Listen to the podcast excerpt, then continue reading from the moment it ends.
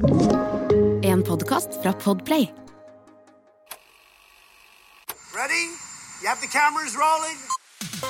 He was hosting boozy parties in Downing Street.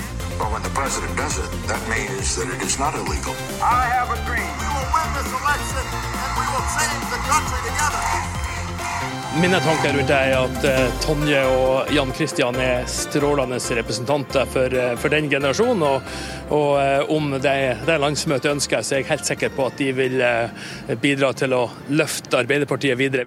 Velkommen. Velkommen. Mitt navn er Eirik Bergesen, Og mitt navn er Sofie Høgestøl. og dette er vårt nokså uhøytidelige, veldig personlige forsøk på å gå bak ukas nyheter, lete etter sammenhenger, si noe om fremtiden, på jakt etter det store bildet, slik vi ser det.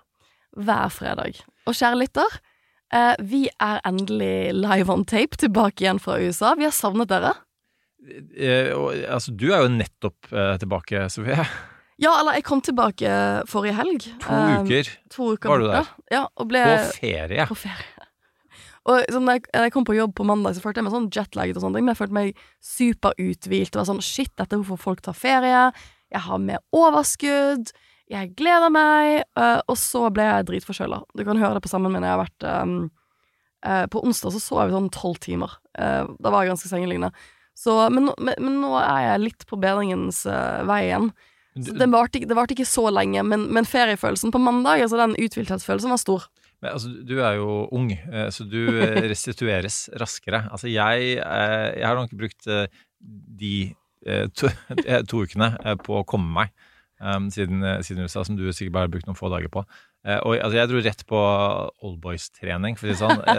Prestasjonene var uh, veldig under pari. Um, kom selvfølgelig på at jeg er blitt uh, passert 50, det var en faktor òg. Men altså, jetlag og bare sånn Fy faen, så mye dritmat man spiser. Altså, og de mengdene Altså, vi, vi, da vi traff hverandre i New Ja, York for vi, vi traff hverandre, kjære lyttere, i New York. Det, vi postet jo bilder av det på Facebook-siden Ja, Det vi ikke postet bilder av, det var mitt måltid, som var altså fried chicken eh, på waffles. Ja. Altså belgiske vafler, faktisk. Så var det en perfekt eh, kombo av eh, min diplomatiske karriere.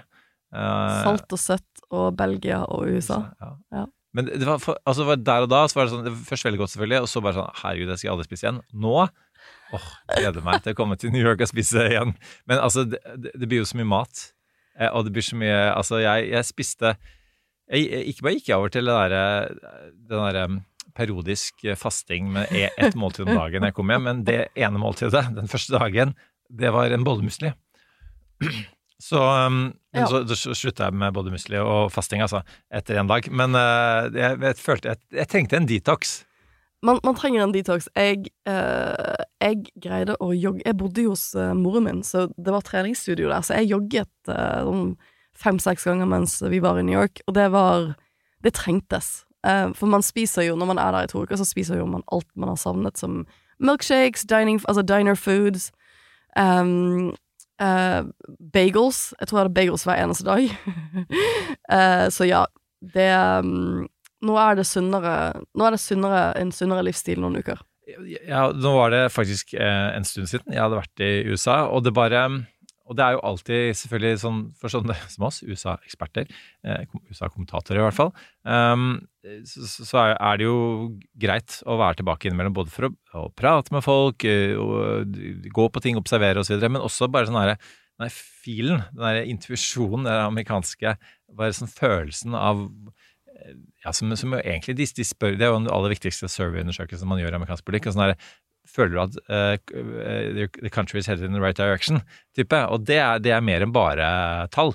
Uh, og, og den derre uh, Den der følelsen av, av å gå rundt blant folk um, Optimismen i stemmen type er jo, er også viktige ting. Og jeg, kjente på at det, det, var for lenge siden.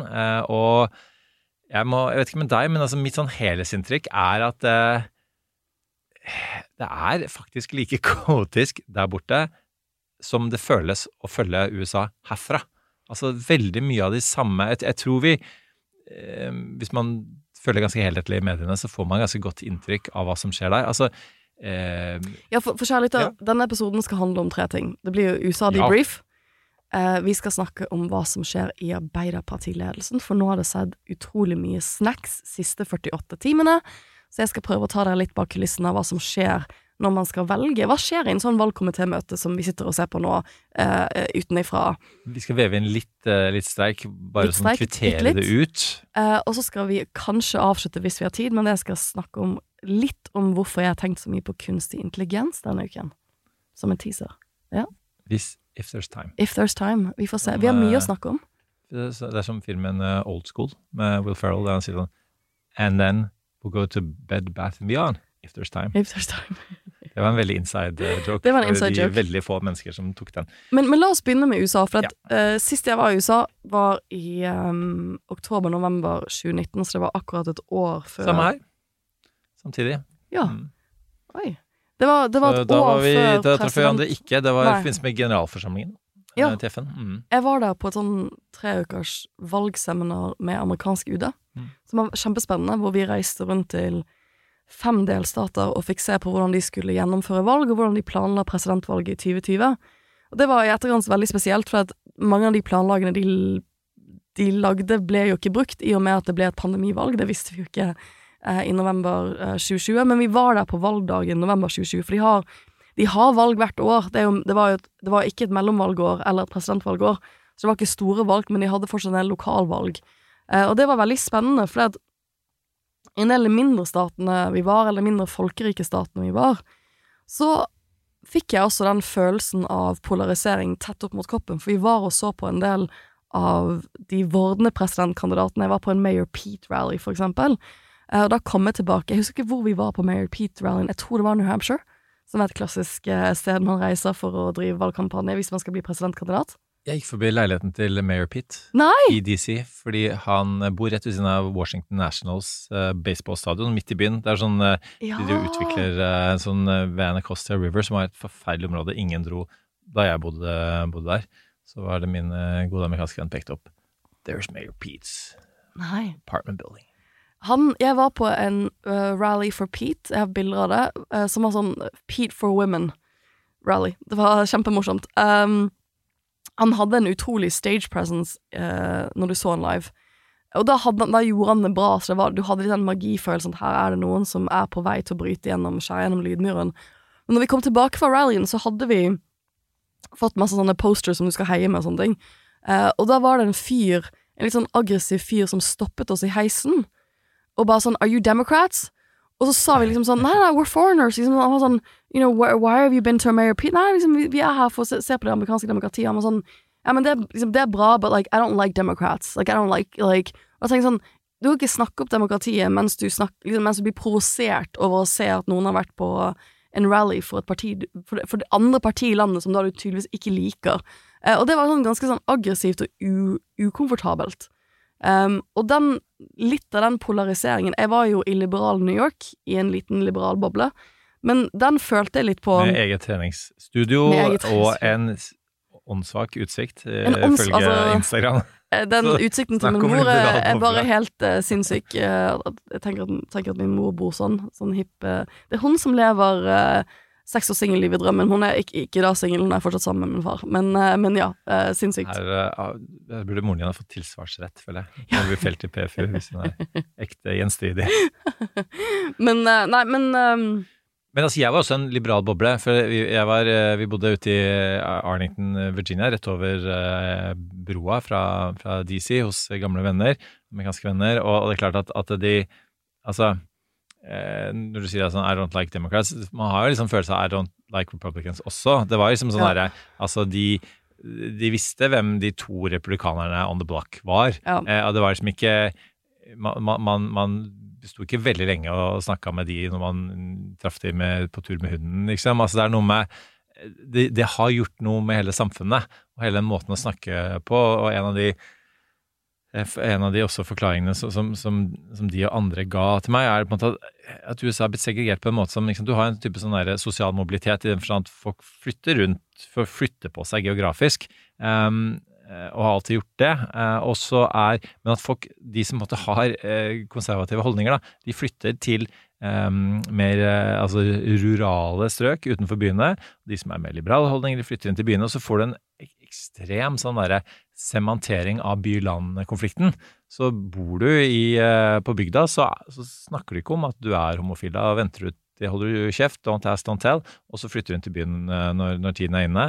Eh, og det er liksom eh, eh, Og, og det, det, er jo med å gjøre at, at det blir enda vanskeligere å snakke, snakke sammen. Så det der, den der type, sånn der, Selv den der agree to disagree, som jo USA er, tradisjonelt er så kjent for, den er liksom i ferd med å bli liksom borte, da. Um, og, og, der også, også selvfølgelig for mediebildet mediebilde er så polarisert, og, og, og det sier hva du vil om norsk media, men, men, det er mye enklere, det er mye større balanse her.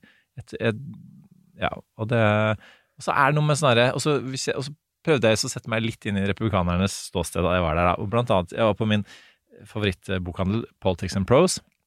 Som er en, eh. en, veldig kjent bokhandel i Washington DC. Ja, som har da både romaner og sakprosa. Eh. Og masse sånne events. Det er masse sånn, De leser høyt fra bøker der, det er masse forfattere som kommer på besøk, det er musikkvelder. Det, det var liksom så, det var så mange altså Du går da helt vill i disse politiske bøkene, og så er det masse klistremerker på 'Signed by the author'. Mm. Og det var jo så, så, mange av de som var 'Signed by the author', jo, hvor det hadde vært evenementer. da.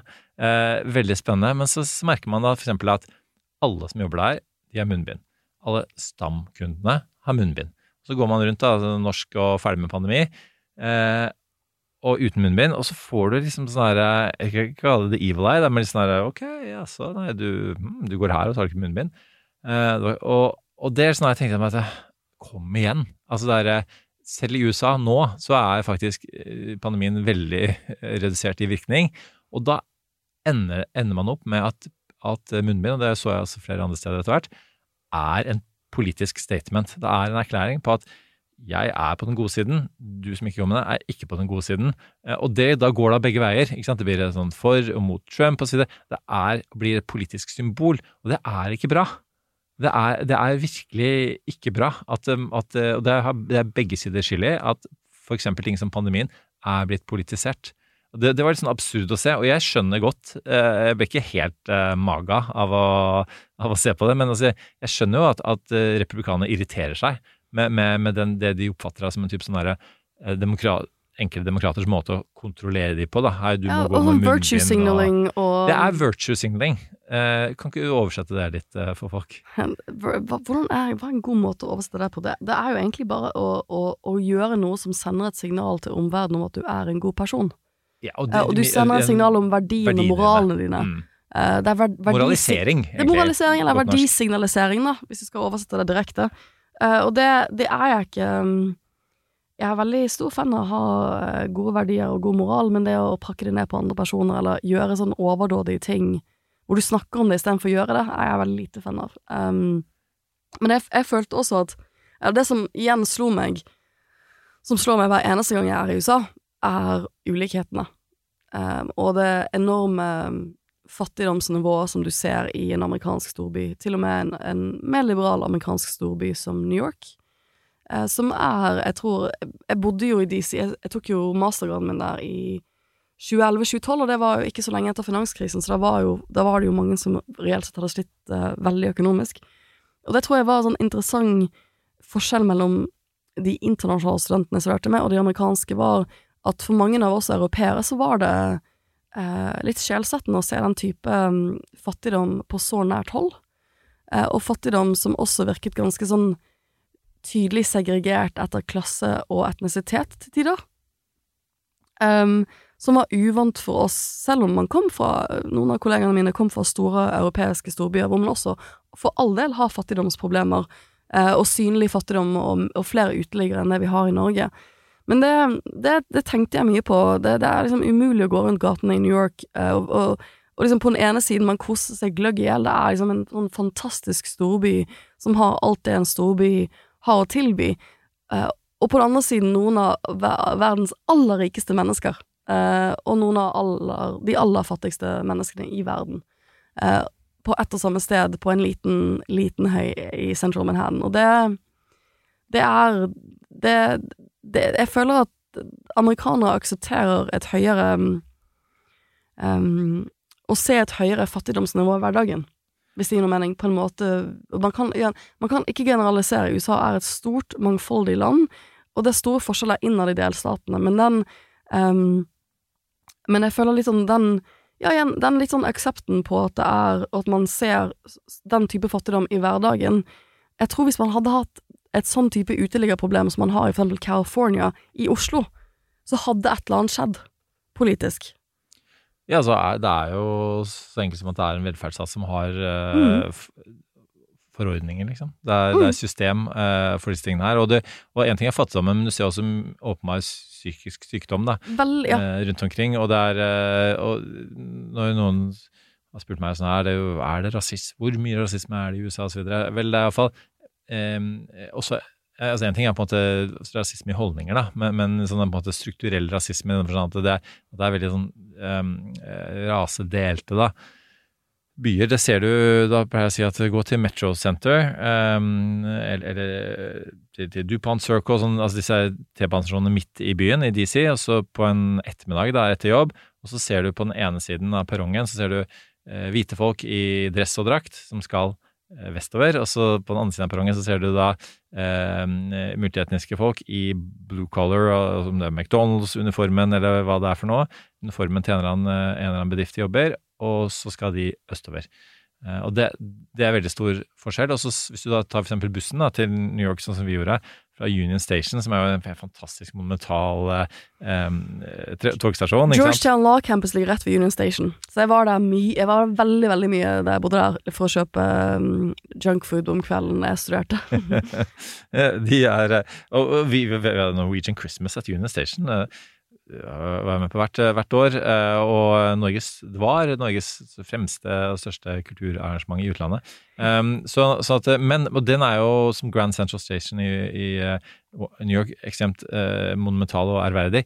Men på baksiden, hvor busstasjonen er, det er det det motsatte. Og, og det er disse Greyhound-bussene som en gang hadde en fordums storhet, ikke lenger har det de som, de som står og venter på bussen der, eh, er, der er det mye eh, sos, sosiale problemer, eh, åpenbart. Eh, Sånn at det, det, det Og det er, er sånn blant de, de store kontrastene, da. Eh, Og, og, og, og der er det Og dette er jo et område som ligger like ved de, altså ved Hvite hus, ved Kongressen, ved på en måte maktinstitusjoner. Da. Så jeg tror mange sånn, turister også blir sånn skremt av. Eh, Og så en annen ting som jeg merket da, jeg var på, på vi, vi bodde i Friendship Heights, da vi bodde der, som er akkurat på grensen til Maryland. Um, igjen veldig nært sentrum. Og så var halve den bydelen Ja, for du, nedlagt. du var der på besøk eh, nå når du var der sist, og, og, og det, det var ikke sånn eller, Og da ser du at så mye har blitt lagt ned. Og sånn var det ikke sist du var der.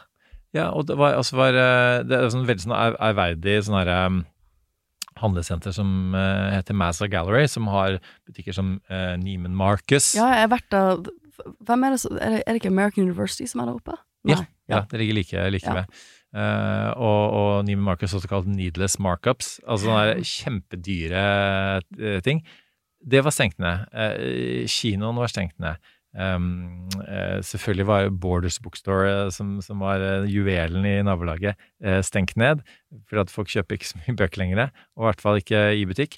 Så, så måtte, det, var, det var veldig trist å se. Altså, det var liksom, og, og disse tingene her handler mye om pandemien, først og fremst. Og pandemien har vært knallhard i USA. Også det selvfølgelig handler om at fordi det ble forvaltet så dårlig av Trump til å begynne med, så grep det om seg. Så mange ble syke, så mange døde, eh, at de måtte stenge ned eh, enda mer, enda lengre mange steder enn i Norge. Og, og, og det førte til enorm eh, forretningsdød. Og så har det blussa opp igjen, og så har det flyttet på seg det er andre steder. Men veldig, veldig mye er nedlagt. Altså. Så det var eh, det var, rett og slett eh, trist, eh, å se. Og eh, altså og, og alle disse tingene her spilte åpenbart inn i valgkampen sist, og vil spille inn i valgkampen nå. Eh, altså, mange har fått det mye verre i USA. Ja, eh, og, og altså, igjen, du, du kan ikke reise til New York uten å være slått av den amerikanske skaperkraften, eh, eh, den Hvor enormt mye større USA er enn Norge. det, det, det er nesten sånn Man får sånn fysisk sjokk av å gå Plutselig liksom Vi landet i New York ganske sent, sånn 10-11-tiden om kvelden. Så vi rakk egentlig bare Og så hadde vi holdt oss våken på flyet sånn at vi skulle sovne. Så vi rakk egentlig bare å, å, å komme oss hjem til leiligheten til moren min og så sove. Men det å da stå opp og bare se de store skyskraperne, og bare gå ut og, gå, og liksom ta T-banen inn i Manhattan du, du føler jo Du får sånn fysisk sjokk at ting er så stort. Eh, litt sånn som det det er et fysisk sjokk å komme tilbake til Oslo, det føles mye mindre. Um, men, men, det er denne slagsiden som er vanskelig uh, Vanskelig å se bort ifra, da. Som blir veldig, som, disse ulikhetene som blir veldig, veldig tydelige uh, når du er der. Og, og jeg var jo og dekket uh, Trump sin ja, vi må, vi må inn på, på politikken, Ja. den konkrete, aktuelle politikken i det hele. Og da må vi først på Trump, og så må vi innom uh, Fox News-forliket. Og de tingene har jo litt med hverandre å gjøre. Men aller først, du var jo uh, utenfor dette rettslokalet. Og da, da var vi fortsatt litt sånn Vi kom, vi kom da som sagt uh, Vi hadde hatt helgen til å komme oss for jetlag. Vi var ganske over jetlagen. Um, jeg hadde en avtale med Tove Bjørgaas, uh, NRKs USA-korrespondent. Vi hadde avtalt på forhånd at jeg skulle gå møtene. Um, men vi var ganske spente når vi kom ned dit, for det var litt sånn uklart hvor mange kommer egentlig. Det var en sånn, sånn X-faktor. Hvor mange demonstranter på begge sider kommer. Eh, og fasiten var at det var jo ikke så mange, og det tror jeg man så på TV-bildene, at det var eh, ikke Det var nok ikke de massive crowdsene som Trump skulle ha ønsket, i alle fall ikke av sine tilhengere. Men de som var der til gjengjeld rett foran, rett foran retten, eller domstolen, de var ganske ihugga. Så når vi kom, altså idet vi kom inn i den lille parken som ligger foran domstolen, så var det en Fox News-journalist som hadde blitt så provosert at han nesten slo til en protes altså noen som protesterte. Eh, og da var det liksom det Og, det var liksom, og da, da var kjæresten min litt sånn uh, la, er, vi, er vi sikre på at vi skal stå midt oppi dette kaoset? For det var ganske amper stemning. Og det var liksom, det, senere på dagen så var det noen sånne uh, fyrer som ble kjørt rundt av en stakkars sånn syklist, og de liksom hang bakpå på sånn der sånn sykkelgreie hvor de sto, og de var superfulle, og så sto det sånn ultra maga et eller annet, extreme maga et eller annet, um, og de liksom veldig sympatisk. Veldig sympatisk, og liksom, de jokket rundt og ropte. Eh, og så var det en fyr som sprang etter dem med et skilt hvor det sto sånn 'Virgins for Trump', som gjorde de veldig sinte. Liksom, så, så, sånn, de, sånn at sto foran liksom, Hvilke Nei, nei, nei, sånn at Hver gang det blir tatt bilde av dem, så sto det 'Virgins for Trump'. Ikke sant? Og, det var, liksom, og, så, og så etter hvert så, så, så kjører de da, og liksom, og så kommer det en fyr og bare spytter de rett i fjeset. Og da var jeg sånn Hva ser jeg på nå, liksom? Dette her Så, så kan man ikke ha Man kan ikke spytte på folk selv om de er uh, ultra maga trumpists og er liksom uro liksom, Og er liksom uh, ropete og ufyselige. Så det Hører du si noe at 'there's bad people on both sides'? Eh, ja, Ja. det gjør jeg. Det gjør jeg. Um, men det, men det liksom, så det var amper stemning på bakken, og vi, vi endte på å måtte filme stikkene våre et annet sted. Og så er det litt sånn surrealistisk uh, å være et sted hvor du bare vet sånn hele verden ser på dette akkurat nå. Nå står vi utenfor noe hvor det er, liksom, det er mye oppmerksomhet. Samtidig gikk du tre-fire kvartal ned, og så var det ingen som brydde seg. Og folk sitt liv er akkurat det samme, og det tror jeg er viktig å sånn ehm, det er viktig å presisere. Når jeg var i USA også sånn, sist, så var det veldig mye som skjedde, men folks vanlige liv liksom, det, er lev, det er et land med 300 millioner mennesker. Hvis du ikke liksom, Hvis du igjen går tre kvartaler ned, så var det folk doing their absolute daily lives. Det seg, så ikke ut som de brydde seg noe om at Trump ble arrestert eh, tre kvartaler unna. Og dagen etter alt dette skjedde, så var jeg, da var jeg i New York, og da var jeg blant annet tenkte jeg skulle svinge innom Trump Tower, da, så jeg sjekker stemningen. Ingen. Ingen. Nei. Ingen, ingen mennesker, ingen demonstranter, verken for eller imot, ingen politi. Altså det var liksom sånn, det var så ferdig som det kunne bli. Uh, men vi hadde jo en runde uh, Øystein Bogen, TV 2s korrespondent, og meg uh, etter, etter da han kom tilbake til, til DC, og skulle på, vi skulle prøve å analysere dette her, da. Og da, da var vi hadde en øl etterpå på um, Harry's, som ligger ikke så langt fra Hvithus. Men altså det er Proud Boys sitt hangout. Som en gang var litt sånn, jeg kan ikke kalle det ærverdig, for det har alltid vært en damp, men det har liksom vært en sjarmerende damp. da. Eh, Det, var, det, det sånn det, billigste, sånn noenlunde respektable hotellrommet i, eh, i eh, DC. Og så, så det var De har mye forskjellig øl og bra sånn pubmat. Så vi, vi satt der, da, og det var masse amerikanske flagg og så videre og sånt. da. Men, og han er fortalte, han har vært, er jo mye prat, da, med, det er jo jobben din korrespondent, med, med mye sånn derre om ikke bare Proud Boys og Maga-folk og sånt da, som kommer til DC og gjerne, gjerne bor der. Og, og, og det er jo stort sett, da, så, så, så er det jo Folk liker en good argument i USA fortsatt, heldigvis, da, en del folk. Ja, og bare, vi, skal, vi skal jo selvfølgelig snakke om presidentvalget og alt som skjer eh, mye eh, i løpet av neste måned. Jeg kan bare si at en av de tingene jeg syns var interessant, som har liksom vært en utvikling siste to ukene, er at eh, DeSantis har blitt litt mer shaky. Ron DeSantis har blitt litt mer shaky. Uh, du har sett uh, noen donorer som har blitt litt mer usikre på han. Noen donorer, litt mer moderate um, republikanske donorer, som er litt misfornøyde med at han nå har gått inn for seks uker abortgrense i Florida, og at han gjør så mye sånn anti-woke-greier, som selvfølgelig mye av basen liker, men den måten han liksom skal styre universiteter og skoler og hva man kan undervise og ikke undervise, det er jo meningssensur. Forklær, altså det, det er jo beint De hadde jo ikke likt det hvis en liberal person skulle komme og prøve å gjøre det samme med religion eller andre typer ting. Um, så han Det har liksom plutselig vært en del skriverier de siste dagene om at han Kampanjen hans er nå gjennom en litt mer ustødig periode enn den har vært tidlig. Han har jo ikke annonsert ennå. De sier at uh, Washington Post har en artikkel i går hvor de sier at de mener at um, teamet snakker om at de skal lansere kanskje sånn rundt 10. mai. Um, men uh, nå er det jo andre igjen i, på den republikanske siden, som Mike Pompeo, som har sagt de ikke skal stille. Så jeg syns at det som skjer litt sånn på republikansk side nå, virker å være at folk er litt Det virker litt mer usikkert enn det var for noen uker siden. Hvorvidt det blir mange som stiller. Jeg tror at en del folk har blitt mer usikre av å se at Trump har styrket seg litt etter disse tiltalene. Um, og at han har fått så mye oppmerksomhet, og jeg tror at altså, Og det sirkuset som er i gang rundt Trump nå, at jeg kan godt skjønne at en del folk tenker sånn Orker jeg å være en del av dette? Jeg kommer nok sannsynligvis til å tape til han. Det er det meningsmålingene sier blant grasrotvelgerne våre, at de liker Trump best. Orker jeg å gå inn for dette? Så jeg er veldig spent på å se hva DeSantis gjør i ukene som kommer, om han annonserer de neste par ukene. For han må jo, han må jo annonsere innen juni om han skal gjøre dette i år. Det jeg tror da er at han uh, håper på, og antageligvis er avhengig av, eh, at det kommer flere siktelser Ja. mot uh, Trump, og at dermed på en måte øh, rakner Trump på egen kjøl. Og at han, han slipper på en måte også At det er han som måte torpederer Trump, eller, eller blir tatt i forsøket på å gjøre det. Um, jeg har merket meg denne uken her da, det, um, Ron DeSantis sin Stop Woke Act.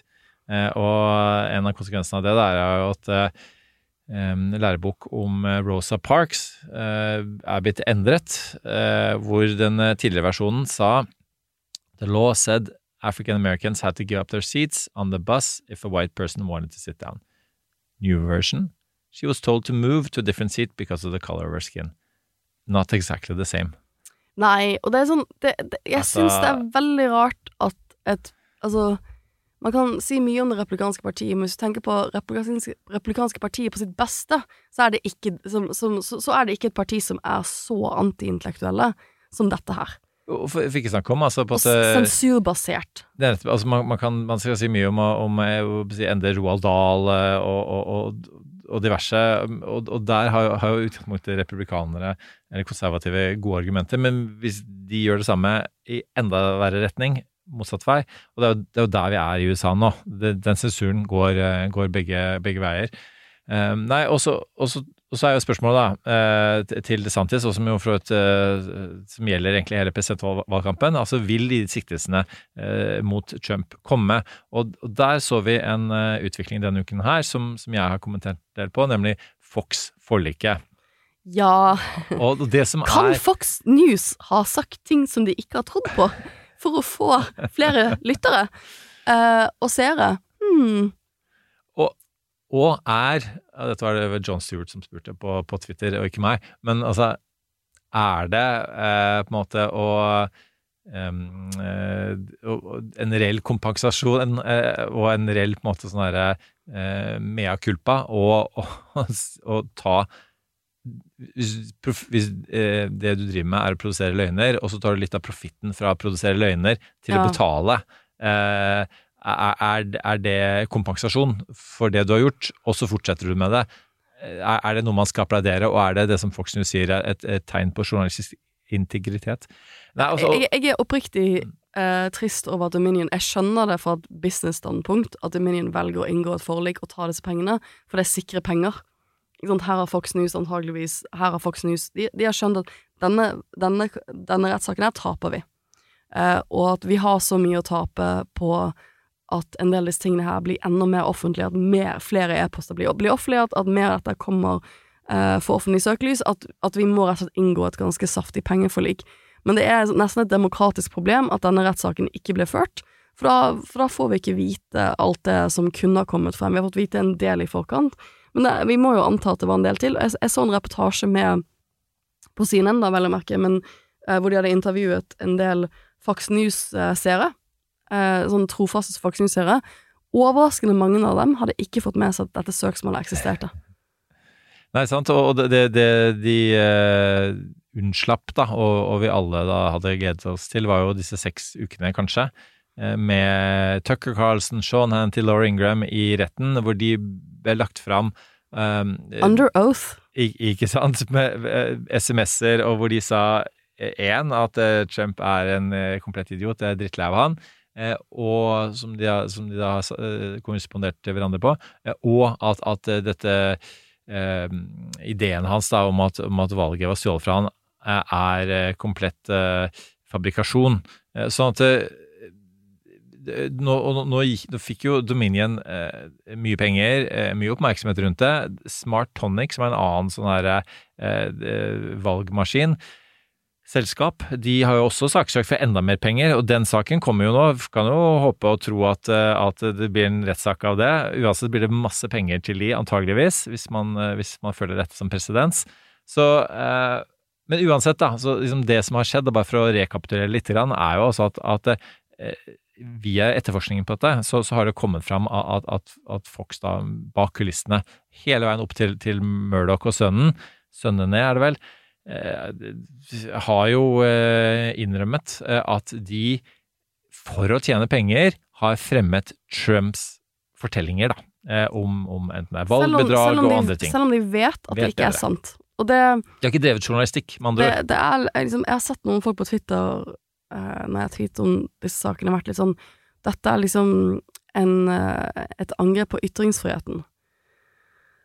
Og så er det litt sånn Ja, uh, ytringsfriheten er en viktig menneskerett. Den er grunnlovsfestet i USA, men den gjør faktisk ikke Det har faktisk i USA heller ikke vært lov å spre, bevisst spre løgner om folk. Det heter det heter defamation, og gjett hvem som har saksøkt folk ofte for defamation? Trump.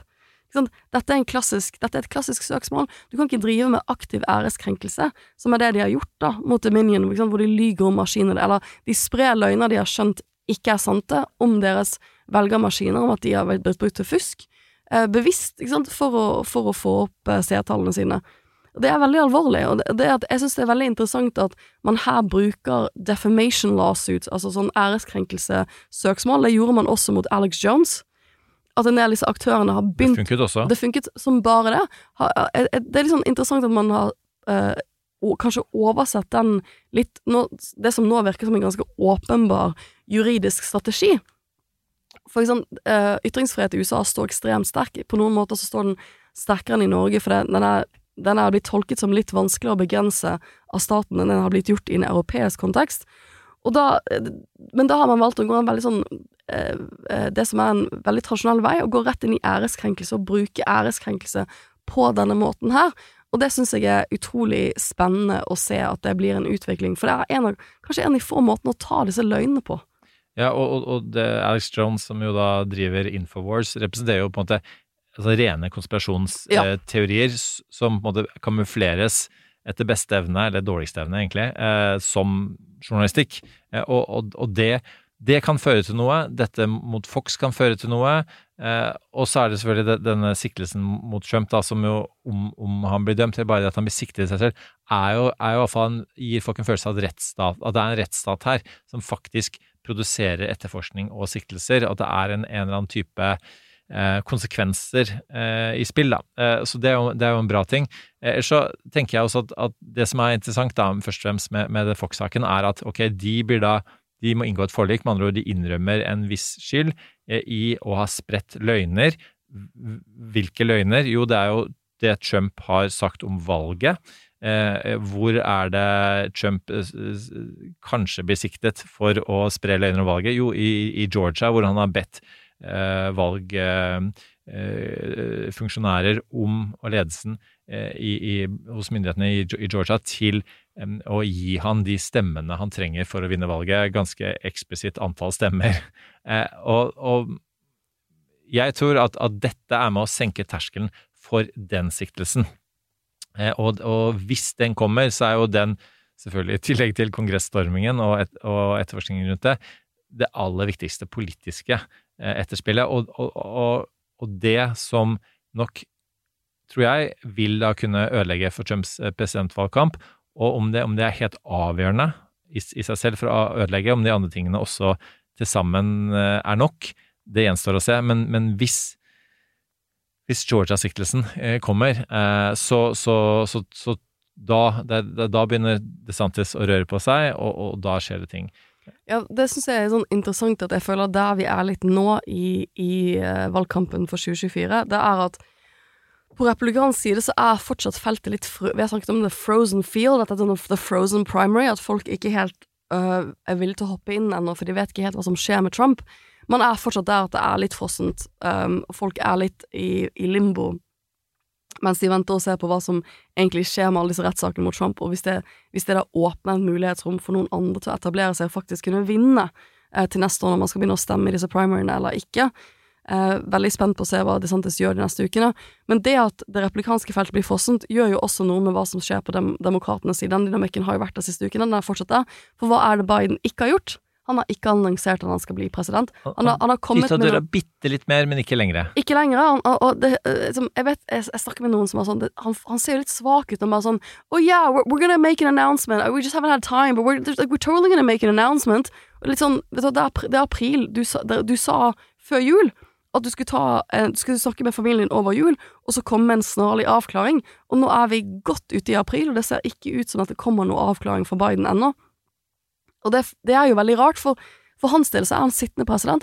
Han trenger bare egentlig å gå ut på et podium med en liten plakat hvor det står Biden 2024, som en eller annen intern har laget, og si at 'jeg stiller til presidentkandidat'. Eh, så hvorfor dette tar så lang tid, kan man jo spekulere mye i. Det har jo vært av og på spekulasjoner eh, de siste månedene fordi han ikke har kunngjort.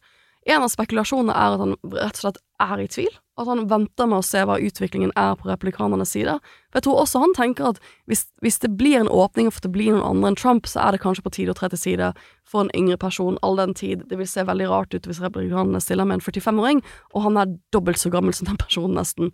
Uh, det, og, men, og på den andre siden, det andre jeg tenker er hensynet bak, er at det første spørsmålet han vil få hvis han går ut på en podium med en liten sånn Biden 2024-lapp på, er Who are you running with? Uh, og det tenker jeg fortsatt er ganske uavklart, om det blir Kamala Harris eller ikke. Uh, og det så, så, på begge sider nå så er ting ganske uavklart på en måte det ikke var på disse tider i uh, eh, 2020-valgkampen. Da var det liksom, på demokratenes side masse folk som stilte, og det var veldig avklart hos republikanerne at det var Trump som skulle, være, som skulle stille, stille til gjenvalg. Så her er det mye som kan skje. Bare for å lande dette segmentet før vi går over til norsk politikk, som jeg vet du brenner sånn etter å prate om at, at det, det, har faktisk overdøvet eh, det amerikanske, det du entret studio her, i hvert fall. Jeg, jeg, jeg har det samme, samme inntrykket, og, og, og det hvor er Kamala? spurte jeg alle, og ja, ja. de spurte tilbake. Totalt fraværende. Vi vet ikke. Hvor, hvor, hvor tror du?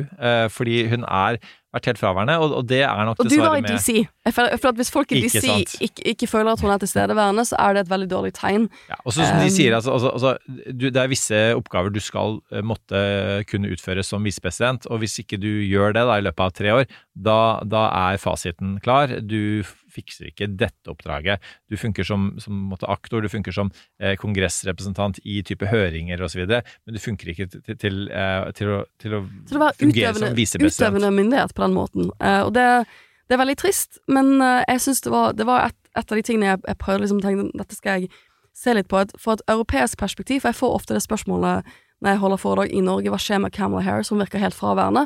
Så jeg sånn, vil jeg få den samme opplevelsen når jeg faktisk er i USA? Vil hun føles fraværende fra mediebildet når jeg faktisk er i USA og flipper gjennom alle, alle de tusenvis av nyhetskanalene de har der? Og svaret er ja. så, så, kan man si sånn herre Ja, men, men uh, hvorfor, uh, hvorfor, er hun ikke mer uh, populær? Hun er jo Hun, hun har en Hva skal vi kalle det? En, en, en flott dame. En, jeg holdt på å si karisma, men, men, men ja, flott dame, en slags karisma har hun da. Appellerende personlighet, ja, appellerende personlig historie, smilende. Eh, hun, hun, har jo en, en, eh, godt utdannet, har en eh, fremstående karriere osv., men, men, men hun, hun, har ikke den troverdigheten som politiker. Og så kan man jo se til Norge, for eksempel, og si at mm, er det noen politikere her i Norge som også er åpenbart smarte, flinke eh, osv., men som ikke helt klarer å nå ut til folk på en folkelig måte, som man, alle politikere må på et sett og vis. Det er fullt mulig, eh, og, og, og, så er det fullt mulig at folk som ikke verken er smarte eller godt utdannet eh, osv., når ut allikevel til folk, og folk identifiserer seg med de.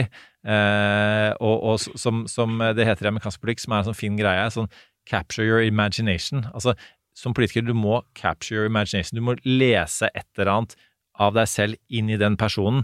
Eh, og, og, noen ganger faktisk, hvis de er et uh, tomt uh, lerret, så, så, er det lettere å, å male ditt eget maleri på de. Sånn at det er det var bare et rart bilde.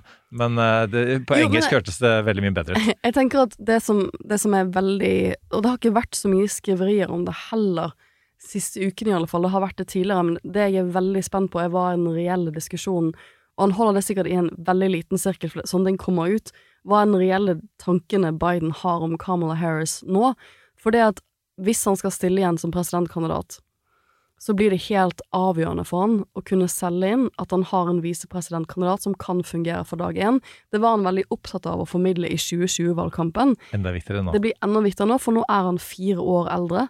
Han er eldre enn den gjennomsnittlige amerikaneren er, mannlige amerikaneren er når de dør.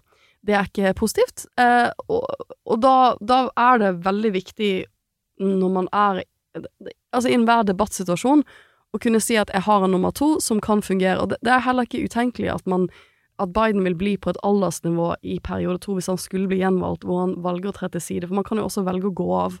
Um, og, men, men det å dumpe en visepresident mens hun sitter, det å gjøre det, og, som også er, har minoritetsbakgrunn er kvinne, og er den første kvinnen i Det hvite hus til å få en av disse topposisjonene, det, det, er så vanskelig å gjøre det på en elegant måte.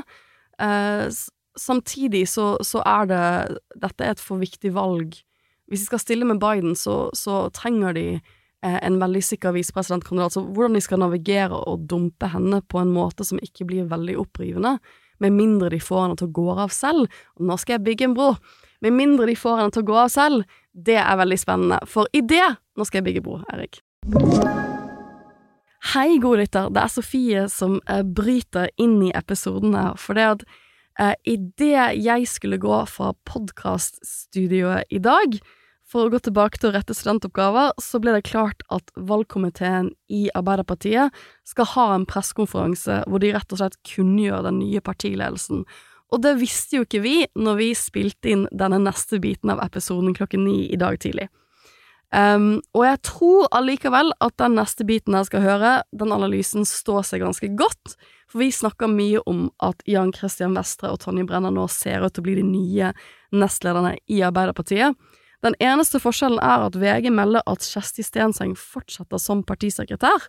Uh, og det visste ikke vi var et alternativ da vi spilte inn episoden, men jeg tror allikevel, som sagt, at resten av analysen står seg godt, så her er Eirik og mine sine tanker om denne kabalen som nå skal gå opp i Arbeiderpartiet, før pressekonferansen i dag. Nå er det påskesalg hos Ark! Du får 30% på påskekrim og 40% på alle spill og puslespill. Jeg gjentar Ark har 30% på et stort utvalg krim og 40% på spill. Det er mye påske for pengene. Så hamstre påskekosen i nærmeste Ark-butikk eller på ark.no. Um, Idet vi gikk inn i dette studioet her, for nå er det jo veldig mye som skjer i uh, den vordende ledelsesstriden i Arbeiderpartiet. Um, og uh, som, som, jeg har opptatt med Jeg, som, jeg har ligget litt sånn syk og gebrokken en dag, liksom, og så plutselig kommer det masse snacks i dag Det er ikke ofte jeg leser Dagbladet. I Dagbladet og TV 2 også, om hva som skjer i uh, valgkomiteen til Arbeiderpartiet. Uh, og nå, idet vi gikk inn uh, uh, i studio, så kom det en nyhetsmelding om at Bjørnar Skjæran trekker sitt kandidatur som Ap-nestleder. Drar du nå en analogi mellom Kamela og Bjørnar? Jeg gjør det. Jeg gjør det. Det var det jeg trodde du kom til å gjøre. Jeg gjør det. så får vi se om den flyr. vi får se om den flyr. for det at det plutselig, som en liten joker ut av en hatt, så spratt det en Vestre på onsdag. Plutselig så melder Dagbladet at Vestre, eh, friend of the pod, Kom tilbake på podden, Vestre, og snakk med oss om hvordan det er å bli Ap-nestleder, hvis det er det som nå skjer.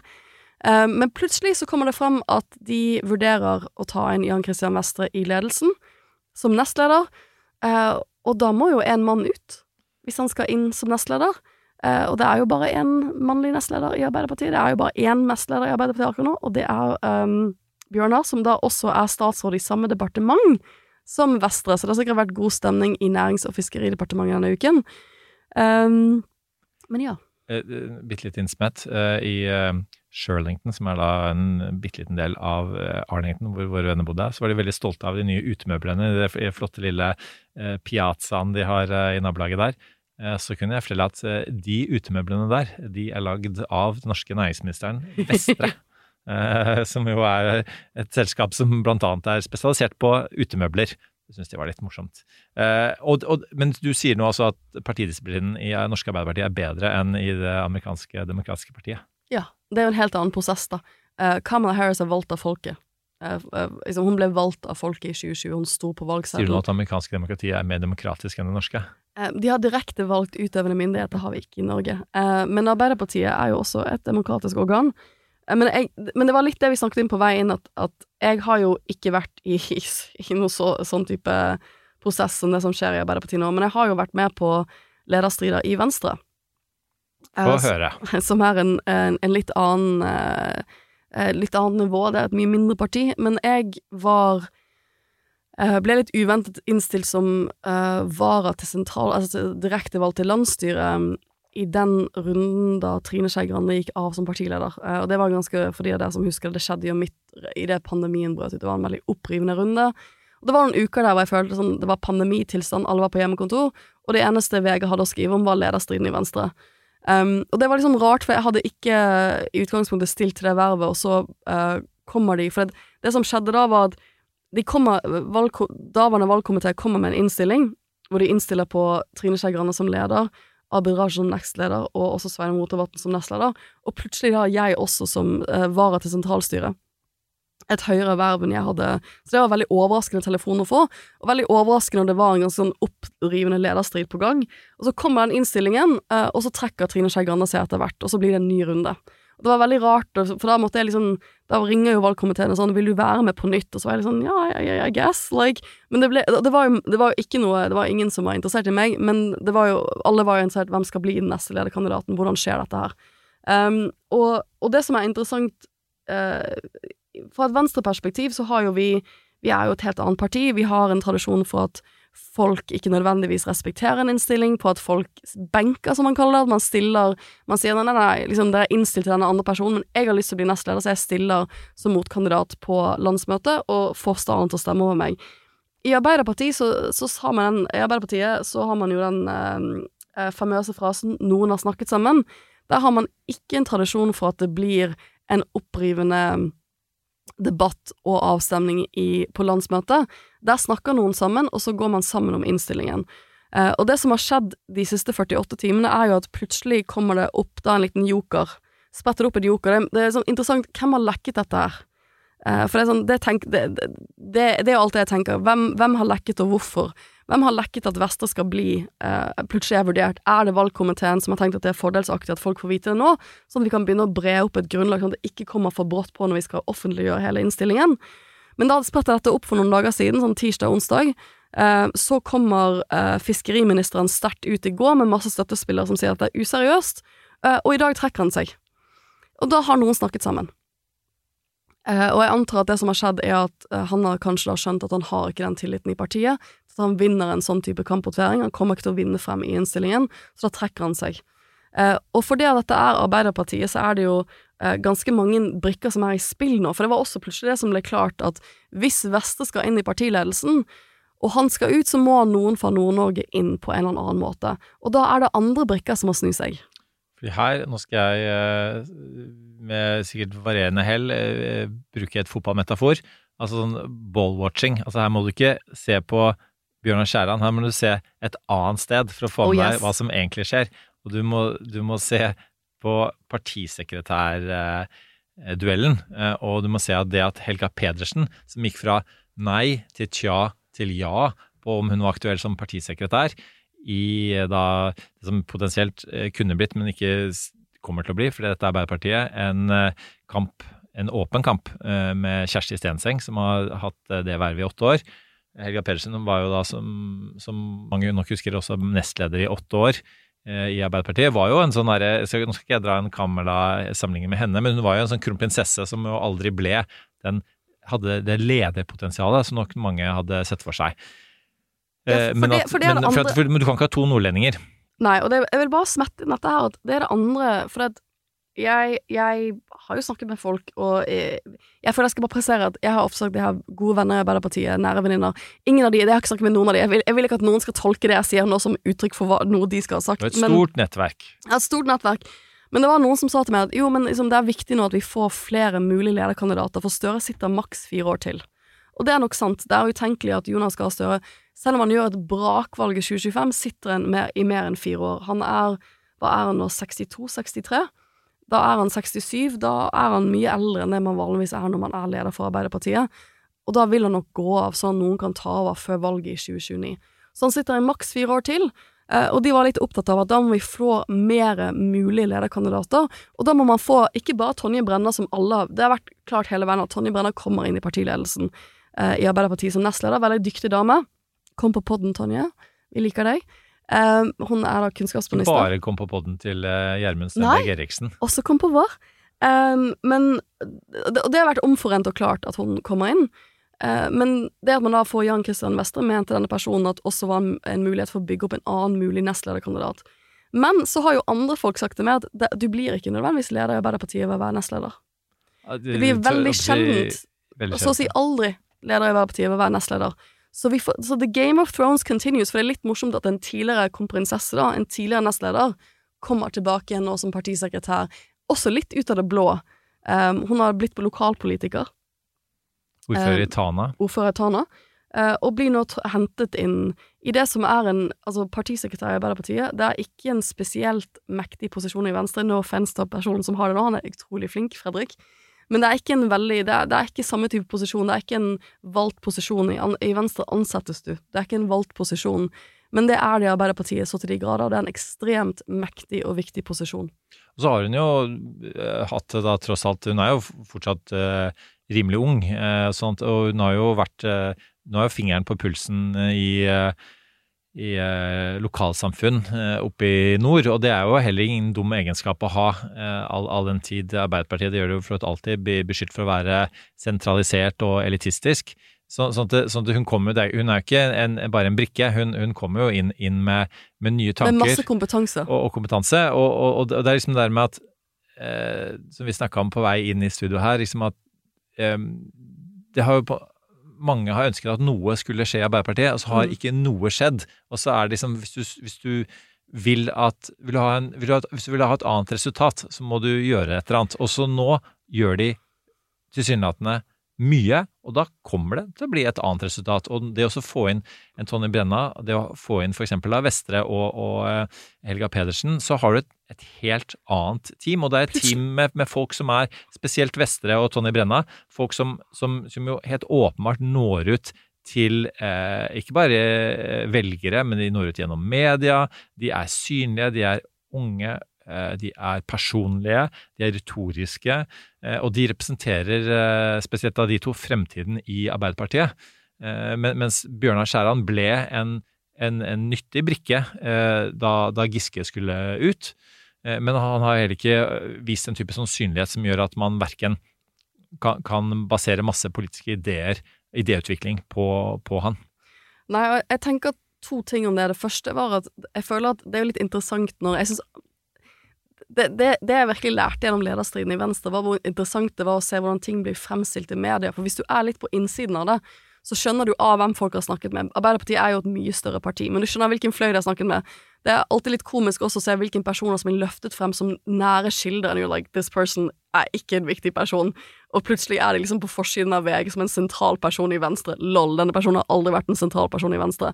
Uh, og det, det er sånne ting som skjer når man har liksom rundt sånne typer lekkasjer. Um, men, men, men liksom den vedtatte sannheten liksom, føler jeg også en del av Kommentator-Norge siste måneden har vært at det kommer ikke til å bli store endringer. Eh, lokallagene sier at de vil ha fornyelse, men alle i sentralstyret har lyst til å sitte på ny runde. Eh, det blir ikke store omrokeringer av ledelsen, det blir kun å ta inn Tonje Brenna, det blir fornyelsen. Og så har jeg tenkt sånn, ja, nå får vi jo, det, nå får vi jo se på det, for det, som en annen person sa til meg i Arbeiderpartiet, så har man jo valgt å legge landsmøtet litt senere enn det som er vanlig, til mai og ikke i april. Eh, og det gir jo mer tid til denne type prosesser, til modningsprosesser, hvor valgkomiteen kan komme frem til at nå må jeg faktisk gjøre altså, Hvor de får tid til å modnes over hvordan gjør vi Nå skal vi sitte oss ned og se på personkabalen. Hvordan kan vi gjøre en større rokering um, på en god måte?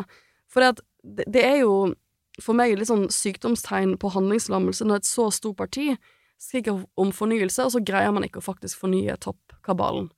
Man har jo masse folk i Arbeiderpartiet Eh, det er rart om man ikke skulle greid å kunne gjøre det. Hvis de ikke hadde gjort det, så hadde de jo vitnet om et parti som faktisk var helt handlingslammet. Dette er jo et sunnhet, jeg synes at dette er et sunnhetstegn, og også et tegn for at deler av høyresiden må skjerpe seg. For dette kan fort være starten på et Arbeiderparti som kommer seg mye mer i form enn det de har vært siste året.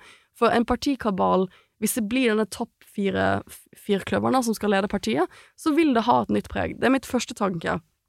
Min andre tanke er at dette er en måte å fornye ledelsen på uten å skifte ut Jonas. Eh, for her fornyer du egentlig hele kabalen rundt. Det blir da ny partisekretær, potensielt, og to nye nestledere, uten at det gjør noe med øverste ledelse. Eh, og det er nok en måte å roe ned Det har ikke vært mye av det, men noe av den snakken i media om at Støre burde vurdere sin tid som partileder. Um, og muligens da en sånn mellomtidsløsning, idet man ser at det er nok et to til fire års spørsmål, hvor man allikevel da må få en ny leder i Arbeiderpartiet, og da har man kanskje et større persongalleri å spille inn. Min tredje tanke er at det er ganske talende at ingen har tatt til orde for Hadia Tajik de siste 48 timene, eh, og det tyder på at hun er ute av denne kabalen her. Og en interessant ting der, apropos kommentariatet som har tatt feil eh, før, og mente at det ikke blir noen særlige endringer, hvor også friend of the pod, Emil André Erstad, på, på, sin podkast eh, i eh, Vårt Land, Eh, var eh, eh, snakket om nettopp at Hadia kunne være jokeren som erstatta Bjørnar Skjæran. Mm. At det var en hemmelig plan rundt det. Og så gikk jeg av trikken på vei inn til, til TV 2 etter akkurat å ha hørt den konklusjonen, og så ser jeg hvem ser jeg sitte på Kaffebrenneriet første etasje i det TV 2-bygget, klar til å gå inn og, og prate om andre ting. Hadia Tajik. Så jeg kunne kunne ikke annet enn å buse ut 'aha, jeg vet hva den hemmelige planen er'. og hun spurte pent 'da må du fortelle meg hva det er', for det vet ikke jeg. Og så hadde hun hadde en sånn type sånn ingen kommentar, da, det, ja. da jeg la fram denne, denne ideen. Men, men det, er jo, det, er jo, ingen tvil om at hun er, hun er jo tilbake og på vei eh, nok inn i viktigere verv. Statsrådsrolle igjen, men det ser ikke ut som hun nødvendigvis er tilbake i den type posisjon. Nei, det vil, det vil ta tid, men at, at men, hun en, er en viktig politiker fremover, huske, ingen tvil om. Alle må huske det vi har sagt nå, at det er ikke nødvendigvis eh, Altså, hvis du blir nestleder i Arbeiderpartiet, så blir du som oftest ikke leder. Så det at hun ikke har blitt nestleder denne runden, betyr ikke at hun er ute av The Game of Thrones for å kunne ta over toppstolen om fire år. Um, den kabalen Game of Thrones-analogien, da, plutselig. Det er Arbeiderpartiet, og jeg føler at uh, Arbeiderpartiet, I love you, men det er litt Game of Thrones-stemning der. Det er en litt annen type måte å drive maktkamp på enn det er i mitt parti. Det er jo landsmøte nå da 4. til 6. mai i Arbeiderpartiet, og det er ikke bare at man bytter ut disse personene, som du er inne på. Det, det som da vil skje, er at da blir det en ny politikk, og dette er jo da disse to aktuelle nestlederne vi snakker om nå, representerer begge politiske ideer, og den ene kanskje litt mer til venstre, den andre litt ja. mer til høyre. Og, er, de, er litt det... mer, altså de er litt forskjellige fløyer, hvis du skulle prøve ja, og, og da, da, har du på en måte klart å, da har du klart å forhåpentligvis å samle de fløyene. Du har klart ja. å bredde ut partiet, og spesielt den der eh, linken som går litt ut, mot, uh, mot, høyre, og litt mer næringslivsvennlige. Vi snakket i stad om Vestre som næringslivsleder. Mm. Eh, og, og, Støre. Og så har jo utgangspunktet den, den profilen, eh, selv om regjeringen som sådan har blitt kritisert av eh, ja, bl.a. næringslivet for, for, å ikke minst retorisk da, konfrontere de, så, så har du potensialet til, til, at de da egentlig da er rustet til å ta tilbake de såkalte lilla-velgerne, som jo har gått fra Arbeiderpartiet, ikke bare på gjerdet, men de har gått til Høyre. Eh, så, så strateg, politisk strategisk så er det mye som eh, ville være fornuftig hvis man gjør det, men at Arbeiderpartiet da skal gjøre noe som er fornuftig, eh, midt i heten av en landsmøte, er jo ikke. Nei, men igjen, min erfaring, altså min lille, igjen lille begrensede erfaring, som sikkert mange vil tenke ikke er sammenlignbar, for Venstre er ikke et like stort parti, eh, var at det som skjedde til slutt i Venstre, var at når innstillingen kom på ny ledelse, så valgte man Guri. Det var også en sånn dark horse, som ikke meldte seg før rett før, egentlig. Det ble, alle trodde det sto mellom Sveinung Rotevatn Meg også, jeg, jeg støttet Sveinung Rotevatn. Altså, det, var, altså, det gjorde jeg lenge før Guri sa han skulle stille. Uh, og, så det lå liksom mellom Sveinung Rotevatn og Abid Raja, og så plutselig kom Guri inn uh, i siste tampen og, og ble partileder. Men det som skjedde, var jo at når den innstillingen først kom, så var det klart at folk var misfornøyde. Det var klart at de fløyene som ikke fikk sin kandidat, var misfornøyde. Men jeg føler man traff et sånn punkt hvor alle var litt misfornøyde. Og det gjorde at ingen um, gikk til kampvotering på toppledelsen på den innstillingen. For når alle er litt misfornøyde, så er alle også litt fornøyde med noe av det. Og da ble det, man liksom fant det knekkpunktet hvor det sto seg, hvor man fikk oppslutning om det, og ingen gadd å krangle ordentlig om det i eh, landsmøtesalen. Det ble ikke noe kampvotering. Og det er kanskje det man ser nå her, at liksom den, det knekkpunktet som valgkomiteen nå kanskje prøver å finne, det er akkurat det knekkpunktet der, hvor en del personer kan være litt misfornøyde. ikke sant? Bjørnar Skjæren sin folk kan være litt misfornøyde, ikke sant? men så får de noe annet på andre siden, og da er ingen misfornøyde nok til at de kommer til å utfordre når de kommer til landsmøtet, og det er det jo heller ikke tradisjon for i Arbeiderpartiet å gjøre.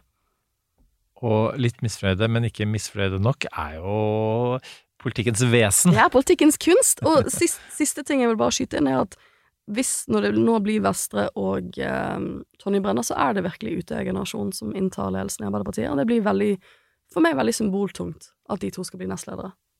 Absolutt, og, og, i et parti som jo har slitt med å fornye seg, så er det altså Utøya-generasjonen mm. som eh, um, Som gjør det. Og jeg, jeg syns det er veldig interessant at Støre har jo snakket en, Vi får jo ikke vite hva Jonas har tenkt her før han skriver bok om det. Jonas skriver bok om sånn eh, fem til ti år. Men det, jeg synes det er interessant, han har jo vært ute mye og snakket i media når han har snakket om dette, som snakket om viktigheten av fornyelse.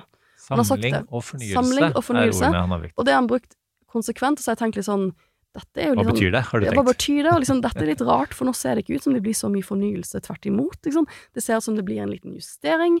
Um, og da er jo, det har vært interessant å få vite hva han har sagt til valgkomiteen.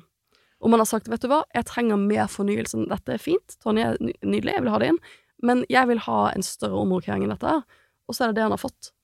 Og det som er virkelig interessant, er hvem er det som leder valgkomiteen? Hvem er det som har hatt den mest busy uken eh, noensinne? Jo, det er LO-leder eh, Peggy. Eh, og, og, Altså, ingen har vært mer girlboss enn Peggy denne uken. Hun har styrt, eh, en, eh, hun har styrt en streik, fått et lønnsoppgjør hun er fornøyd med, og hun holder på å omrokere Arbeiderpartiledelsen. Den dama der, for en uke hun har hatt. lønnsoppgjøret i offentlig sektor er jo heller ikke klart.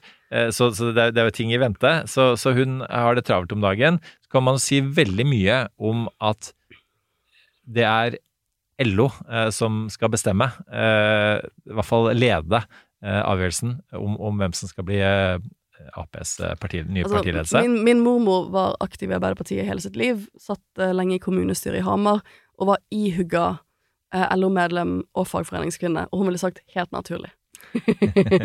Mormor Astrid ville sagt helt naturlig. Sånn skal det være. Mens, eh, og da, da skal vi ta oss litt inn i, inn i eh, streiken, som jo var eh, historisk eh, streik eh, i et mellomoppgjør. Eh, Hvor, så, og Forskjellen på mellomoppgjør og hovedoppgjør er altså at eh, det bare handler om penger, mens eh, hovedoppgjørene handler om pensjon, ferie og litt andre type ting. Og Det betyr at, at penger er noe som man som regel klarer å bli enige om, eh, og det har man klart fram til nå. Og så ble man ikke enige, og så ble det eh, en, en storstreik som da ble, ble på en måte kvalt litt sånn i ikke helt i fødselen, det tok noen dager eh, med, med fortvilelse om at det kanskje ikke ble det ble begrensninger i ølen som skulle havne på uh, utepilsen. Her, I hvert fall her på Østlandet, hvor det har vært spesielt godt vær, godt vær i det siste. Men uh, du, du viste til uh, din, din bestemor, for jeg kan da vise til min far, da, som da var sjef i Ja. NHO, Finn. Bergesen junior, som da var jo mannen som avviklet partistøtten, som NHO da hadde, også hadde hatt i mange år, men riktignok til flere partier. For han syntes ikke at det hørte sammen, den uh, eh, den relasjonen der. Eh, så, og der er det jo da eh, Det ble ikke endret i Arbeiderpartiet, og det er noen år siden nå. eh, Og det er fortsatt ikke endret. Så der er det en, eh, en forskjell. Eh, Så ja, det var jo interessant å se også på en måte hvor eh, opphetet den derre eh, eh, konflikten ble også i media. Og altså, det ble jo amerikanske tilstander. Altså, det ble jo bare truet med søksmål fra LO mot NHO eh, via Riksmekleren. Eh, og, og fordi at, at man skal, skal ha lekket da, fra, fra fortrolige samtaler. Um, Og igjen, spørsmålet er, vi kommer jo alle til å vite hvem som akkurat lagt de tallene der. Nei, og, og at det var en del av politisk spill, det er det ingen tvil om. Kanskje, kanskje var det med, og kanskje var det en slags liksom, for å olje hjulene, og kanskje kan det bidra Altså, en- til enten enten var det gjort, enten var det sånn, eller vi vi skal aldri undervurdere at en del folk som lekker, er lite viktige personer som syns det er veldig morsomt å for en gangs skyld be in the know, og har journalister som ringer bare sånn Oi, shit, du ringer meg? Og, oi, liksom, og nå er jeg altså, Og så lekker man noe litt ved et uhell. Jeg har sett mange folk gjøre akkurat den smellen, og så er det sånn Oi, shit, det der var egentlig Jeg mente egentlig ikke å, å lekke dette her. Og nå er det forsiden av VG. eh, og, og, og liksom det er full ramaskrik. Så vi, vi, det, med sånne lekkasjer så vet vi liksom ikke hvor det, liksom hvor, hvor det kommer fra, og akkurat hva intensjonen var. Uansett sånn, eh, pe, pe, altså, det er jo personer som sitter rundt et bord og skal forhandle, og personkjemi vil alltid være viktig i, i forhandlinger, og, og her er det på en måte Det, det, det ble um, det, det, det tetner til, ikke minst retorisk, da, i offentligheten mellom uh, LO-leder og NHO-leder her, og, og, og det der er jo eh, forskjellige, også da fra faren min sin tid. altså han eh, hadde da først eh, Yngve Haagensen som eh, motpart, eh, og han og Yngve var eh, rett og slett gode venner. Eh, Yngve var på hytta vår eh, stadig vekk og diskuterte, og så kom eh, Gerdliv Valla. Eh, de var ikke like gode venner, og, hun hadde også en sånn stil hvor hun tok disse kranglene ut i offentligheten, som var det motsatte av det faren min gjorde, så det var ikke helt enkelt. Så var det jo eh, relasjoner med andre på hennes side som gjorde at hun ble felt eh, til slutt. Eh, men, men det er klart at, at disse tingene er, eh, er viktige, og så er det noe med det, det, det, det og dette som er teater, da, eh, politisk teater, det, er jo med å påvirke eh, eh, forhandlingene. Og, og man, man er jo eh, Det er jo et spill, dette her. eh, også den delen som er, er eh, ute i eh, offentligheten. Eh, så det er eh, og f- altså For meg, da, som, som forhandlet um, ukelønn med faren min gjennom uh, barndom og ungdom, så, så vet jeg hvor knallhardt det er å forhandle med en, uh, en part i, uh, i lønnsoppgjøret i Norge. Så, så det, dette har vært veldig dramatisk, og så, og så endte det som det gjorde. Det handler også litt om at LO nok ønsket å sende et signal der ute om at eh, det er eh, økonomiske krisetider, det, det er økte forskjeller mellom eh, fattig og rik, det er den norske modellen. Er det kanskje mulig at man må se litt på, på en litt ny måte? Veldig god diskusjon mellom Eva Grinde og Fridtjof Jacobsen i den politiske situasjonen, som, som, som er DN sin podkast, om, om akkurat det der. fordi at det, det kan se ut som den norske modellen gjør at, at det er noen lønnsgrupper, da, lavtlønte, som, vil, som blir hengende etter. Og den ideen om at, at, eh, at mye skulle skyves over til, til lokale eh, lønnsforhandlinger, gjør at la, lavtlønte har mindre forhandlingsvilkår. Og, og nå er, er det skjøvet mer tilbake til det sentrale. Så det jo, der har jo LO vunnet fram, selv om eh, lønnsrammen ser ut til å være ganske lik. Da. Ja, og liksom, jeg, jeg blir litt irritert når jeg ser at deler av media i, jeg, er ikke, jeg er fagforent organisert i, eh, i Forskerforbundet, som er Unio, ikke LO. Men her skal jeg ta LO til forsvar. Jeg ser at deler av Presse-Norge har liksom skrevet artikler i dag som går på at liksom Oi, folk som tjener over så og så mye, har tapt på at det ble en uke med streik, fordi at de kommer ikke til å få nok i tillegg til å, til å gjøre opp med den lønnsøkningen til å gjøre opp for den uken de var i streik. Og så er sånn, det er ikke det det handler om. Dette handler om det lange løpet. Det handler om å ta viktige prinsippkamper nå. Sånn at neste oppgjøret blir enda litt bedre, og neste oppgjøret blir enda litt bedre. Um, og for min del så må jeg bare si at det å for eksempel I fjor var jo nesten vi i streik. Og det å streike det vil, Jeg ville jo i utgangspunktet ha streiket mye for sånn midlertidig eh, vitenskapelig ansatte sin lønn. Det gjør jeg med glede. Det er en del av det eh, kollektive fellesansvaret man har når man er i en fagforening. At man nettopp tar eh, tar de oppgjørene som går på at alle skal få et godt lønnsoppgjør, uavhengig av hvilken stillingskategori du har, og uavhengig av hvilken gruppe du tilhører. Og det at du personlig da kanskje ikke får et høyere lønnstillegg på grunn av den streiken, eller på grunn av den kampen, det er ikke det, er, det, er ikke, det, det er ikke som er meningen. Meningen er jo helheten i det. Eh, så det, det syns jeg er litt grunn journalistikk, rett og slett, når disse sakene blir skrevet i dag. Da føler jeg at du misforstår litt hva, hvorfor du er i en fagforening. Du er i en fagforening fordi at du skal stå sammen om lønnskravene, sånn at alle får en god lønnsøkning. Og i det året vi lever i nå, med, med, historisk prisøkning, så kan ikke vanlige lønnsmottakere akseptere å falle bak. Så jeg håper at jeg, sånn, jeg har vært i lønnsforhandlinger i år, jeg håper alle andre vanlige lønnstakere tar en lønnssamtale med sjefen sin og fremmer krav. Vi kan jo avslutte denne segmentet her med å gå tilbake med sammenligningen eh, Norge og USA. For dette trepartssamarbeidet og solidaritetsalternativet osv. Det står jo, står jo sterkt. Vi hører deg forklare det nå. Så det handler om at eh, om de med litt mer ressurser eh, også er solidariske med de med litt mindre ressurser. Og jeg, jeg spurte en av mine amerikanske venner har blitt da, sjef da, i sin, sin lille, for så vidt non-profit organisasjon. Eh, og så, så, spurte jeg han om hans eh, kolleger, da, hans eh, ansatte. Det var organiserte. Og så sa han at nei, det var det ikke. Så spurte jeg hva ville du sagt hvis de ble organiserte. Og dette er altså verdens mest liberale person i verdens mest liberale bydel i verdens mest liberale by, iallfall USAs mest. Så han that would be a problem. Hvorfor det? Mm, would det be a problem. Eh, da, ja. da, da fikk han ikke den fleksibiliteten i lønnsfastsettelsen som han ønsket seg. Han ønsket å premiere noen som hadde gjort en litt bedre jobb, og, og, og på en måte, om ikke straffe deg, så iallfall ikke premiere noen som ikke har gjort en så god jobb eh, i den perioden. Og det er jo sånn man gjør det i USA, og det er ikke sånn man gjør det i Norge. Og det var veldig sånn tydelig forskjell. da. Ja, og jeg tenker Når jeg ser på amerikanske lønnstakere, tanken på at jeg ikke har unionized, helt sykt. Helt sykt. Eh, det, det, det, er det bare arbeidsgiver som tjener på. Men jeg, vi skal runde av med veldig kort om AI. Veldig, kort vi, Nå er jeg veldig spent på den korte AI-segmentet. Ja, jeg, jeg, hadde egentlig bare tenkt å ta opp at AI er noe jeg har tenkt mye på denne uken. For jeg holdt et sånn nytt foredrag om hva som skjer i verden, og hva som rører på seg. Og da har jeg for første gang tatt inn kunstig intelligens som en av de store faktorene som er med på å forme den tiden vi er i. For det at det er jo mange økonomer, og jeg, vi er jo ikke økonomer, som vi har sagt før, men det er jo mange økonomer som mener at det som skjer på kunstig intelligens-fronten nå, det er rett og slett en fjerde industriell revolusjon. Og det passer egentlig ganske godt sammen med den fagforeningsdiskusjonen vi nettopp hadde. For det at det som Man ser jo masse potensial av dette. Jeg har en, eh, en av mine aller beste venninner, Ishita Barua, som snakket om kunstig intelligens på skikonferansen i går, eh, og nettopp eh, ble ferdig med doktorgraden sin om kunstig intelligens i, i medisinsk teknologi um, i, uh, i, januar. En første i Norge, tror jeg, som har disputert med en doktorgrad om AI uh, eh, og, hel, altså, og, i medisin. Hun kommer til å jobbe resten av livet. og det er morsomt, for hun har snakket om kunstig intelligens til meg i mange år. Og jeg har bare ikke skjønt, ikke skjønt omfanget, sant. Men nå, nå, nå som ChatGBT kommer, så skjønner jo vanlige folk som oss um, hvorfor dette er så viktig, da.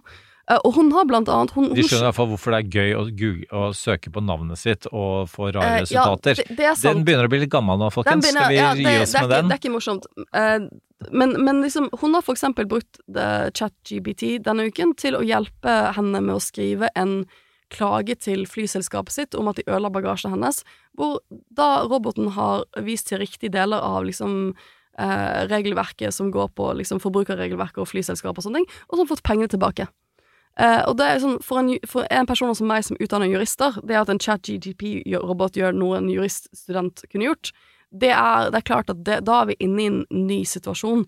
Um, og, og det, det, som så Det som kjennetegner det som da Jeg ser masse potensial. Hvis uh, kunstig intelligens kan hjelpe oss, som er det jeg ikke har forsket på, uh, å bekjempe kreft, for eksempel, så tror jeg alle er veldig for. Eller skrive, hvis de kan skrive e-poster for oss. Jeg kjenner folk nå som bruker det til å skrive e-poster for seg og svare på mindre viktige e-poster, og skrive utkast og sånne ting. Jeg er kjempe for det, men det som mange De e-postene tror jeg jeg fikk fra politiet ja. denne uka her, da vi prøvde å få noen til å stille fra politiet på en episode om, om kokain og ransaking og, videre. Fordi det var noen ekstremt lange mailer om at de ikke eh, altså, det er, det er, byråkratiet på sitt verste, hvor du bruker hvor du veldig mye tid på å si at du ikke har tid til å gjøre det du blir bedt om å gjøre. Allikevel, men, men, men jeg ser masse potensial i dette, og de sier jo at dette her vil ha en like stor effekt på oss teknologisk som internettet, om ikke større. Og hvis vi tenker på hvor mye eh, man har endret måten man jobber på i nesten alle yrker etter internettet, og hvordan vi, hvordan vi snakker med hverandre, altså hvordan vi interagerer på sosialt nivå, eh, siden 80-tallet, da, eh, så er, sier det noe om hva vi har å vente de neste 20-30 årene, hvis den prognosen har rett. Men nedsiden med kunstig intelligens, og det som jeg tror er noe vi alle må diskutere, er av den store omstillingen av samfunn, samfunnet representerer, og ikke minst av arbeidssektoren, for en del økonomer påpeker at der tidligere industrielle revolusjoner ofte har vært slik at de, har, de jobbene som har blitt borte og erstattet av maskiner, har vært lavtlønnede yrker eh, hvor man ikke har trengt så mye ferdigheter, hvor de jobbene som har blitt borte, ofte har vært sånn lavtlønnede jobber som, som ikke er så gøy å gjøre. Um, men som da har blitt erstattet med bedre jobber for de personene som hadde de andre lavtlønnede jobbene. Det man frykter med den, tek den, teknologien som kommer nå, er at de jobbene som ryker, er middelklasse- og øvre middelklassejobber. Det er juristjobber, det er eh, jobber, det er økonomjobber, det er eh, altså det å gjøre regnskap, for eksempel. Det er mange typer stillinger som egentlig er det man kaller for sånne high-tech job, liksom, i utgangspunktet high school jobs, og det gjør jo det på en eller annen måte mer solidarisk, det at vi plutselig står ved det, det, det har vært litt interessant å se um, en del venner da være litt sånn å oh shit, jeg tror, denne, jeg tror, disse robotene vil ta liksom, kassen i, på Rimi-jobben, men shit, dette kan jo være min jobb. Og på noen måter gjør dette det mer solidarisk, ikke sant? for jeg tror vi alle har godt av å kjenne på at det er ikke, det er ikke det er, vi står faktisk også i denne båten. Men det gjør jo noe med hele måten vi må tenke på inkludering i arbeidslivet på, så jeg tror fagforeningene fremover skal få mye å bryne seg på, for jeg er også litt sånn bekymret, jeg, jeg som utdanner jusstudenter, eh, noen av de chat, den siste versjonen av chat-GDP-roboten, der den for seks måneder siden, når den fikk en jusprøve, så skrev den ganske dårlige besvarelser. Nå skriver den A-besvarelser. Hvordan utdanner jeg studentene mine i lys av denne revolusjonen når de skal ut i et arbeidsliv. Jeg snakket med advokatfirmaer som allerede bruk, begynner å eksperimentere med kunstig intelligens for å gjøre sånn dokumentkontroll, som man ofte bruker nyutdannede jurister til. Hvordan skal jeg utdanne mine juriststudenter til å møte den endringen som kommer i arbeidslivet når de er ferdig? Dette er de store spørsmålene. Jeg tror det er noe som vil prege det internasjonale bildet. Hvilken land greier å være med på denne revolusjonen, og hvilken land greier ikke det? Eh, noe av grunnen til at du hadde så lyst til å snakke om dette, var egentlig mest for å tease at vi ja, veldig ja. gjerne skal ha, eh, eller vi skal ha, en eh, mm. episode om kunstig intelligens nå veldig snart. Den er på blokka, kommer veldig snart. Og så bare slår det meg altså at apropos trepartssamarbeidet i næringslivet, vi skulle hatt en pod også med både LO og NO representert, for, for å snakke om nettopp de utfordringene de, de, gir til arbeidslivet. Jeg tror mange er eh, både usikre på hvilke begrensninger som ligger der, og selvfølgelig håpefulle på hvilke nye muligheter eh, som, som, ligger i et framtidig arbeidsliv. Absolutt. Og da fikk dere mye snacks. Dere fikk USA-synsing. Dere fikk mye. Arbeiderparti-synsing og kunstig intelligens-synsing. Her føler jeg at jeg virkelig har liksom bare fått uh, synsing-passet mitt påskrevet. Veldig, altså, utrolig gøy. For at ja, vi så hverandre for to uker siden. Kvalifisert synsing. Kvalifisert synsing. Um, dette var veldig kjekt. Vi må kjapt innom ukas på avkobling, og så må vi runde av.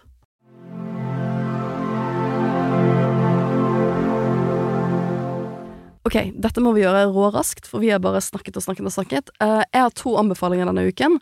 Den første anbefalingen er den samme som sist, og det er å se Succession. Oh my god! Det er så bra! Jeg føler at Jeg vil ikke jinxe noe, men det var en av skuespillerne som sa at de føler at hver sesong har blitt bedre enn den forrige. Og jeg føler så langt så er sesong fire den beste, og det å se Succession i New York det var, liksom, det var, noe av det beste jeg har gjort. Det, de siste episodene er vilt bra. Bare se det. Det er fantastisk. Altså, det er jo bokstavelig talt en succession at du anbefaler i uh, fortløpende episoder denne serien. Og også veldig morsomt å se det mens alt det Fox News-dramaet pågår, og det har vært liksom medielekkasje om at Rupert Murdoch, som da har brutt sin fjerde forlovelse, love died, so sad, uh, i en alder sånn noen og nitti har brutt sin, sin sånn ørten forlovelse. Um, at hans ekskone, når han inngikk skilsmisseforlik med henne, Jerry Hall, en tidligere modell, at, han, eh, at en av de tingene hun fikk beskjed om, at hun fikk ikke lov til å lekke detaljer om dette til Succession-folka. for det er visst folk rundt Rupert Murdoch som har lekket ting, og så har det endt opp i Succession, så hun fikk ikke liksom lov til å snakke om dette fuckings skilsmisseforliket i Succession. Det er peak amerikansk eh, skilsmisselovgivning. I, can, I cannot even. Men uh, se på det. Uh, min andre anbefaling er Vi, vi, vi var jo mye forskjellig i USA, det kan vi komme tilbake til. Hva er vår sånn kan, Det kan vi gjøre en annen gang. Hva er sånn USA-anbefalinger hvis du er på ferie i USA? Det kan vi gjøre en annen gang. Uh, jeg så Air mens jeg var i USA, som er en film med Matt Damon og Ben Affleck. Directed by Ben Affleck. The Superduo er tilbake igjen. Veldig, veldig morsom. Feel good. Uh, man får jo selvfølgelig litt sånn noia over at man ser på en film som handler om uh, det største uh, selskapet i vår tid, Nike, og man får liksom sånn Man heier plutselig på Nike mot slutten av filmen sånn Oh my God, they produced a shoe, and it's gonna make so much money, and you're like yeah! Og det, det, da fikk jeg liksom Jeg tror mange som går og ser på den, er litt sånn Oi, nå ble det sånn dette liksom, Her sitter man og heier ukritisk på sånn super-hyperkapitalisme, men filmen er skikkelig, skikkelig god. Uh, jeg syns den var uh, altså, lett å se på. Uh, hvis det, det, skal bli dårlig vær til neste uke, så gå på kino da og kos deg med Air. Da, da, hiver jeg inn en bok som jeg ikke hadde tenkt å hive inn, nemlig Shoe Dog, som er, er memoarene til Phil Knight, som var Nike-gründeren, men som er ghost-written av samme fyren som skrev den helt fantastiske Open, Andrea Gassi-biografien, og Spare den, den den min, boka. Den boken jeg, du aldri ble ferdig med. Som jeg aldri ble ferdig med, uh, fordi jeg kom til det der uh, frost... Uh. Penisgreiene. Ja. Uh, så ga jeg meg. Men, uh, men jeg har, jeg har to bøker som er helt fantastiske hver på sin måte. 'Crying in H-Mart' av Michelle Zoner, som også er amerikansk indie-artist, som utrolig bra bok om, om uh, det å vokse opp som, som halvt koreansk uh, i USA. Uh, kjempe, kjempe, kjempebra. Og så er det en bok som er litt eldre, som er norsk, som heter 'Men du ser ikke syk ut', av Ragnhild Holmås. Hun er en, en god bekjent. Ja. Utrolig fin bok. Jeg leste den da den kom ut. Er altså bare så bra om, om sykdom, skam, og ikke minst sykdom du ikke ser, som jo spesielt gjelder ME. Hun har faktisk en ny bok som kom ut forrige uke, om uh, språk. Ja. Hun er språkviter, ja. uh, så jeg kan ikke anbefale Jeg er jo inhabil her, men jeg kan ikke anbefale hennes forfatterskap på en varmere måte. Hun skriver så utrolig godt. Skriver utrolig bra, og så er det altså Alle kjenner noen som har ME, uh, og sliter nok også litt med å forstå hva det er for noe. Med andre ord, les den boka. Og helt til slutt, en TV-serie. Beef. Har du hørt om den? Jeg har spart på Beef. Har ikke sett på den ennå. skal se den. Altså, det er binge-worthy, f.eks. for eksempel nå i helga. Altså, det er jo en beef, altså en krangel mellom to personer som bare eskalerer. Uh, og apropos koreansk, altså det er uh, ulike asiatiske Ali Wong, blant annet, som er kjent komiker, spiller en av hovedrollene. Superkul. den Ellevill er ordet. Med det Med det så har vi snakket oss tom for denne gangen. Vi, uh, har, en, vi har, en, superkul gjest neste uke. Vi kan uh, avsløre at den gjesten er statsråd. Det er ikke Vestre, men Vestre. Kom tilbake på podden. Uh, så lyttes vi neste uke. Takk for oss, og ha en fortreffelig helg. That's enough. Put down the mic. Du har hørt en podkast fra Podplay. En enklere måte å høre podkast på. Last ned appen Podplay, eller se podplay.no.